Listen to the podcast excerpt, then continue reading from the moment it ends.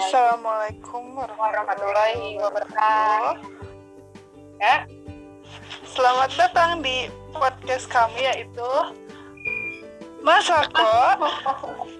Mah apa, apa mas aku Saf? Mahagi bareng Safa dan Kodri nih. Asik, mantap betul. Gimana nih kalau misalnya sebelum masuk ke pembahasan kita nih, pembahasan podcast kita, gimana kalau misalnya kita perkenalkan diri masing-masing coba dari lo Kor? Boleh, boleh, boleh. Jadi, halo semuanya, sebelumnya perkenalkan nama saya Kori Miranti dengan yang 190324. Mahasiswa Prodi Pendidikan Bahasa Korea angkatan 2019 kelas D. Silahkan, Safa. Oke, dan eh, kenalin juga nama saya Safa Amelia dengan NIM 1909539 dari Pendidikan Bahasa Korea juga dari angkatan 2019 kelas B juga nih. Dan Oke. eh, Kor gimana nih kabarnya? Apakah baik-baik saja atau gimana nih? Alhamdulillah, positif. Gila. Gila sama tugas-tugas dan juga kuliah offline ini jadi makin pusing ya. Memang harus natap layar terus. Iya ya, Kalau lu gimana nih, Sab? kayaknya gue juga sama sih kayaknya positif gila ya dengan menghadapi semua tugas semua semua apa ya semua kegiatan secara online ya karena nggak bisa ketemu langsung tapi ya kita doain aja semoga pandemi ini cepat berakhir ya Kor Amin, amin. Biar bisa balik ke Bandung lagi ya. Iya bener nanti kalau udah Bandung kita apa namanya kita kulineran bareng-bareng jalan-jalan gitu Wajib, ya wajib, wajib. Iya. Eh, gini nih kok sebenarnya podcast kita kali ini tuh mau bahas apa sih? Eh, Sebenarnya podcast kita kali ini akan membahas tentang sastra modern. Ya betul, sastra modern. Oh, sastra modern tuh apa sih, Kor? Nah, jadi sebelumnya gue jelasin dulu ya. Sastra modern atau sastra baru itu adalah karya-karya sastra yang hidup dan berkembang di kehidupan masyarakat modern. Nah, sastra modern ini lahir setelah munculnya pergerakan nasional atau tidak berada pada zaman dahulu atau zaman kerajaan. Nah, karya sastra baru ini biasanya telah dipengaruhi oleh karya sastra asing sehingga sudah tidak asli lagi, Pak. Nih, ciri-cirinya ya, sekalian langsung nonton ya. Oh iya iya.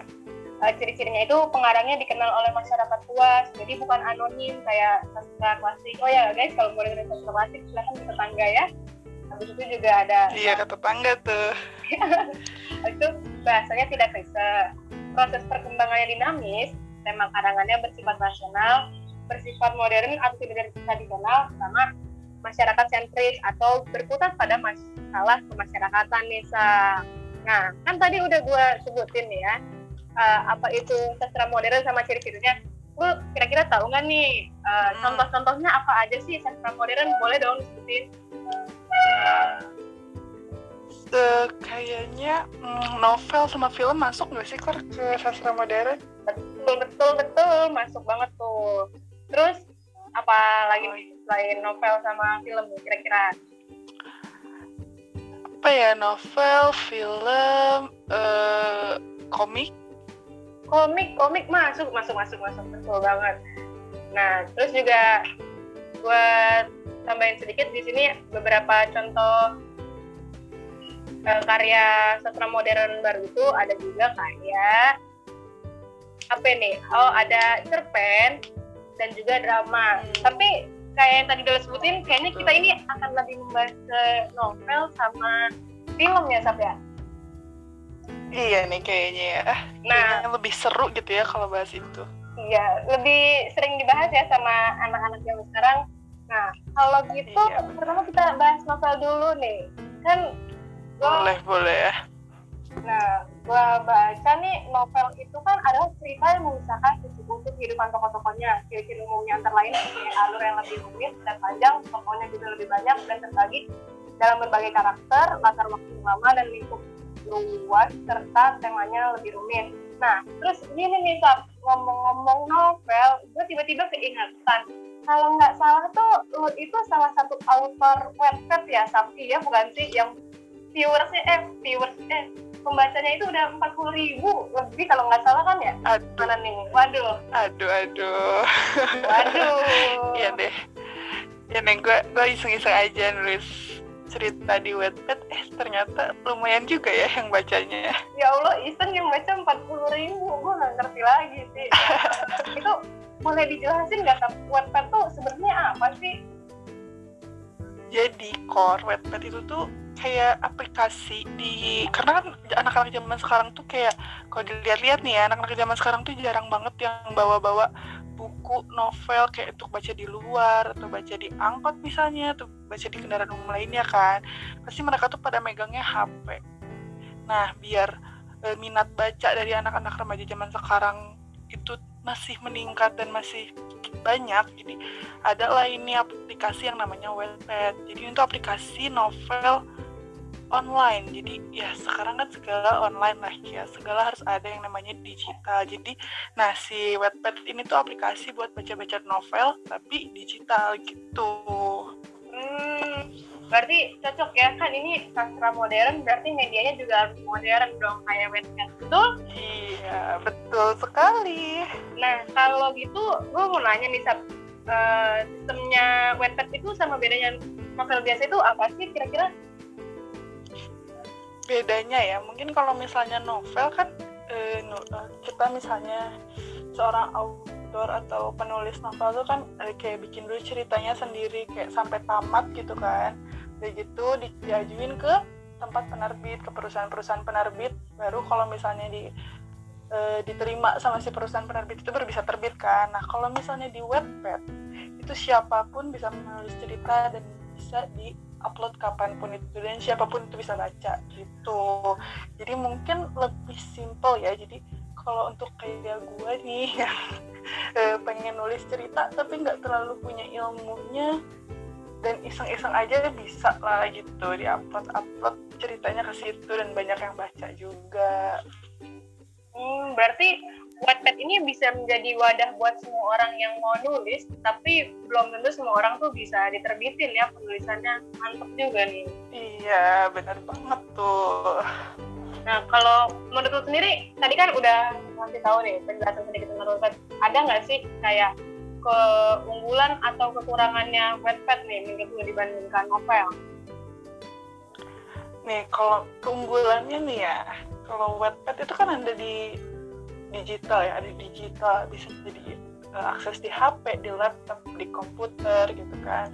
Jadi kita tuh bisa baca kapan pun, di mana aja gitu kan, tanpa kita, kita harus bawa-bawa buku gitu. Nah tapi kekurangannya tetap aja harus bayar.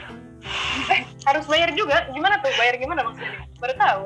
Jadi kayak yang pasti itu bayar kuota itu tuh pasti karena segala pun yang ada di internet itu harus pakai kuota betul?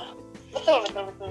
yang ke yang kedua itu uh, sekarang webpad yang sekarang itu ada yang namanya premium. Jadi uh, ada beberapa cerita ya yang kalau misalnya si autornya itu pengen si cerita itu jadi premium jadi kita kalau bacanya itu harus bayar.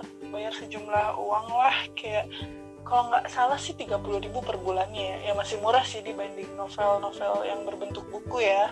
Tapi ya seperti itulah. Oke okay, oke okay, oke. Okay.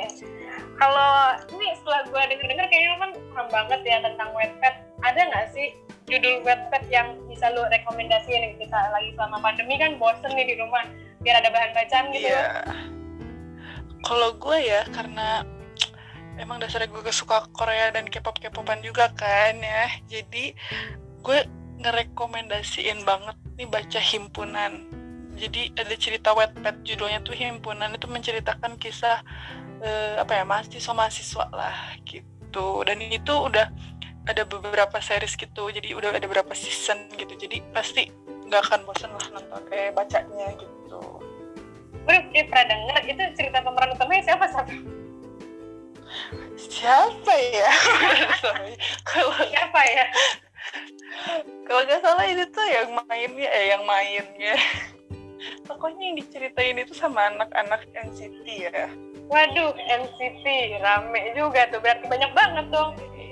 Iya betul. Banyak sekali ya. Apalagi kayaknya di season yang barunya nih bakal nambah lagi membernya ya. Karena member NCT juga terus bertambah betul. Wah siap siap satu satu lurah di bawah satu kelurahan deh iya benar Nah, Kor, kita kan udah ngebahas tentang novel dan webpad nih ya, novel elektronik. Gimana kalau sekarang kita bahas tentang film nih? Boleh, boleh, boleh. Bahas apa nih, bahas apa? Karena kan gini nih, film kita pandemi kayak gini bioskop pada tutup kan ya, tapi rencananya katanya bioskop mau dibuka lagi kan.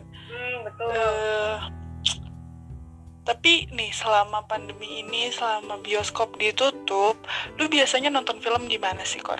Nah, kalau gue nih kan selama bioskop lagi tutup, berarti mau nggak mau harus nyari kayak tempat lain ya buat nonton. Nah, sedangkan kalau di TV itu nggak semua hmm. film ada. Nah, gue mau saya nyariin kalian semua nih. Ini sekalian kalau denger, tolong ya website sama Netflix uh, endorse kita.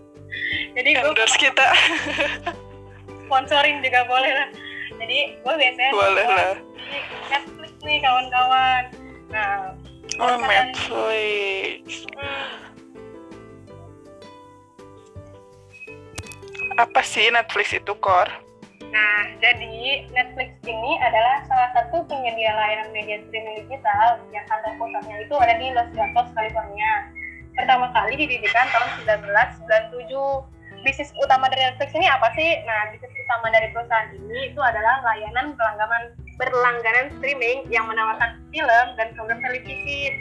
Nah, buat kayak kita nih lagi masa pandemi, berarti kan nggak bisa nonton di bioskop ya, kata rasakan kalian semua. Iya, benar banget. Yang suka uuan di bioskop udah nggak bisa lagi rasakan. iya betul sekali. Nah, jadi bisa nih beralih ke Netflix.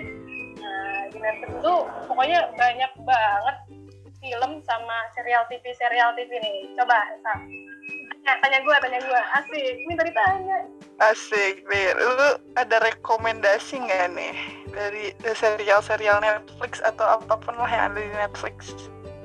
Uh, bentar. Gue mikir dulu nih serial yang aman untuk direkomendasikan banyak oh. nih kayaknya ya. Uh, yang aman untuk hampir ya untuk umur 13 ke atas dengan pengawasan orang tua bisa lah kita nonton. Judulnya Never Have I Ever. Nah dia tuh film tentang apa sih? dia ini lebih ke series. Jadi ada tentang anak kuda nih yang anak SMA kayak kita. Ih kita kita udah kuliah maaf lupa ya. Kita kita udah kuliah ya Allah. Ya jadi ini ceritanya tentang uh, pemain utamanya namanya itu Devi dia itu lagi di masa-masa SMA dan lagi kayak krisis mencari jati diri gitu loh kayak pengen terkenal pengen punya pacar pengen pengen segalanya deh pokoknya. Oh iya iya. Terus? Nah terus gue mau ngasih tau juga nih beberapa kelebihan dan juga kekurangan dari Netflix boleh? Oh, iya benar gue belum ngebahas tentang itu ya boleh dong boleh banget nah, kelebihan yang pertama ini kelengkapan koleksi kontennya di Netflix ini ada dua kategori utama yaitu film sama serial TV. Nah nanti dari kedua kategori itu dibagi lagi nih genrenya banyak banget ada horror, action, komedi, romance. Nah, eh pokoknya banyak banget deh. Mau yang filmnya jelas sampai nggak jelas tuh ada semua di situ ya. Terus juga komplit banget ya.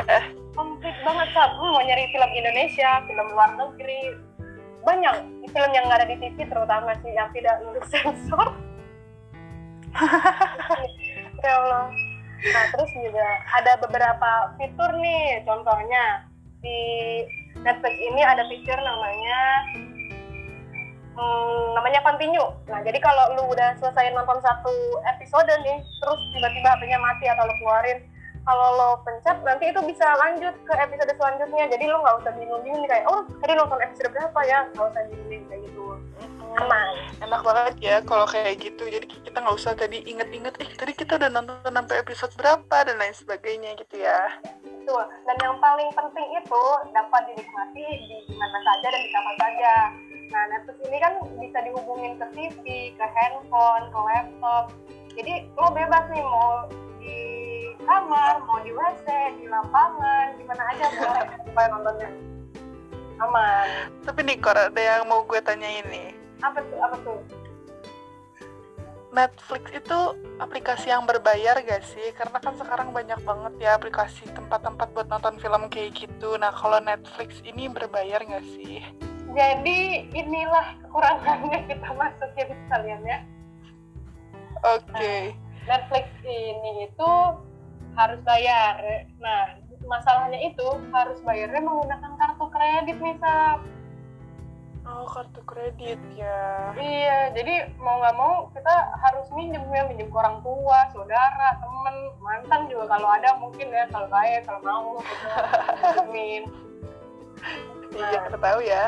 Iya, terus juga kekurangannya nih, ada lagi yaitu kalau akses internetnya nggak dan stabil, kualitas videonya bisa naik-naik, ya bisa naik turun kok naik-naik. Naik-naik kadang bagus dong. Iya, kadang-kadang kualitasnya bisa yang standar, bisa yang jernih banget, tergantung eh tergantung kecepatan internet kita juga nih sama eh, ini kalau kita kasih perbandingan contoh ya kan ada juga nih banyak media lain yang nawarin film gitu kayak contohnya View tau kan View yang banyak Koreanya gitu Tahu, tahu, tahu. View, Iya, betul. Nah, kalau di aplikasi seperti itu kan kita tetap bisa nonton ya walaupun bukan member VIP atau premium. Kita masih bisa nikmatin film-film yang gratisnya, betul? Kalau Betul, betul. kalau di Netflix ini kalau kita nggak berlangganan ya udah nggak bisa sama sekali nonton sayang banget. Tapi memang mungkin bisa dibilang kualitas banding dengan harga sih. Iya sih ya, kayak banyak juga kayaknya serial-serial yang khusus ada di Netflix ya. Betul, betul banget. Terus dia tuh cepet banget update-nya, makanya itu tuh yang paling bikin kaya tuh kenapa banyak banget orang yang berlangganan walaupun harus bayar. Oh iya, sama satu lagi ini yang paling penting. Apa tuh? Jadi kita kan bayar nih. Ini juga ini adalah keunggulan yang sebenarnya paling disenengin banyak orang juga sih. Emang kita kan harus bayar. Tapi kalau satu akun itu bisa buat 5 device. Jadi ntar kayak yang beli akun satu orang, Oh tapi gitu. bagiin kelima iya gue sih biasa kayak gitu soalnya kalau gue sendiri ya Allah mana Mantap banget ya kalau kayak gitu. iya bisa berbagi Bisa berbagi, bisa jadi lebih murah makanannya gitu ya. betul betul banget itu yang Nah, kalau kita kan tadi udah ngebahas tentang novel, tentang film, dan aplikasi-aplikasi novel dan film yang elektronik zaman sekarang nih ya. Dan gak kerasa ya, yang namanya waktu itu cepet banget berlalu, bener gak sih? mm, cepet banget perasaan baru mulai ya Iya bener, tapi kita udah ada di penghujung podcast ini nih. Waduh, sekali. sudah mau berakhir. Ya, pa- pasti kalian semua kangen sama kita sama suara kita sayang banget nih pengennya dua jam Iya, kan aduh. ngaku ngaku ngaku Iya, iya kita tuh tadinya tuh udah rencana mau dua jam aja apa ya, cuman kan kasihan gitu kan sama takutnya tuh ibu dosennya capek dengarnya gitu kan. Dua jam terus di zoom ya iya betul, Bener. keburu keluar lagi. keburu Nah. habis kuotanya mana sempat keburu protes Mana sempat keburu protes. Nah, nih ya. Semoga nih kita bisa ketemu lagi nih di podcast-podcast yang lain atau di acara-acara yang lain yang tentunya ada kita berdua nih. nih Hmm. Dan semoga aja ya pandemi ini benar-benar cepat berakhir biar kita tuh bisa tetap muka. Dan kalau misalnya kita bikin podcast lagi tuh nggak usah via zoom kayak gini yang menghabiskan kuota banyak ini. amin amin banget. Ya udah kayaknya sekian aja nih ya. Mungkin podcast yang bisa kita sampaikan cuma sampai sini. Tapi semoga ada kesempatan-kesempatan lain. Eh, kita di podcast-podcast lainnya dan pembahasan-pembahasan lainnya. Nih kita eh duh susah nih ngomongnya. Gue Safa. dan gue Kori Gue Safa. Ya, kita pamit undur diri. Sampai jumpa lagi di Masako episode selanjutnya. dadah Assalamualaikum warahmatullahi wabarakatuh.